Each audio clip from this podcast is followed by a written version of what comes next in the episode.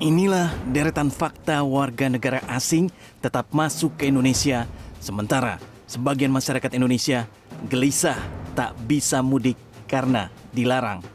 Seperti dikutip laman cnnindonesia.com, sejak April hingga Mei, sejumlah warga negara asing masuk ke Indonesia, termasuk dari negara yang tengah dilanda gelombang kedua COVID-19, yakni India.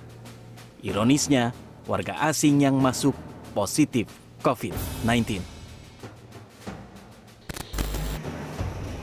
Terakhir pada 8 Mei 2021, ratusan warga Tiongkok kembali tiba di Bandara Soekarno-Hatta.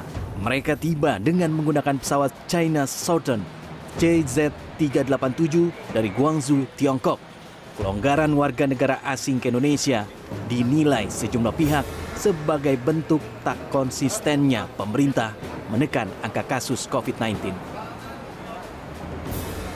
Kita harus konsisten mengatasi akar masalahnya, yaitu menekan penularan virus. kalau itu virus bisa kita atasi, maka manusia bisa melakukan aktivitas lebih normal, lebih bisa berinteraksi, dan pemulihan ekonomi dan kegiatan kemasyarakatan lainnya bisa menjadi lebih longgar. Nah ini nggak terjadi sampai sekarang. Sementara itu, dikonfirmasi perihal warga asing yang masuk ke Indonesia, Kasatgas Bandara Soekarno-Hatta, Kolonel Teksunu Eko Prasetyo mengungkapkan, seluruh warga asing yang masuk ke Indonesia sudah sesuai aturan. Bagi para pelaku perjalanan dari luar negeri, baik warga asing maupun warga Indonesia yang tiba di Bandara Soekarno-Hatta sudah melewati sejumlah tahap mekanisme protokol kesehatan, mulai dari pengisian kartu kesehatan, pengecekan suhu tubuh, menunjukkan surat keterangan kesehatan negatif PCR bebas COVID dari negara asal, serta pendataan dokumen persyaratan lainnya. Mereka juga diminta melakukan karantina selama lima hari.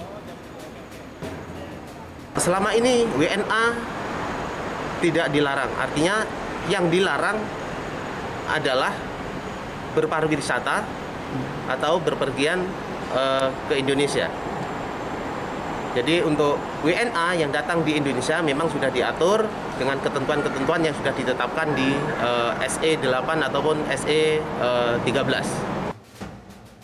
Polemik masuknya warga negara asing di tengah ramainya kebijakan larangan mudik akhirnya direspon Satgas Penanganan COVID-19 ada tiga kriteria warga asing yang diperbolehkan masuk Indonesia.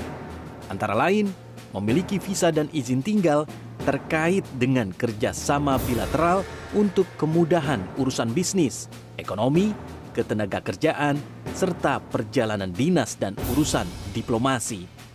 Meski sejumlah aturan mengizinkan warga asing masuk Indonesia, mereka wajib menjalani pemeriksaan COVID-19 berlapis seperti dua kali tes swab PCR dan karantina.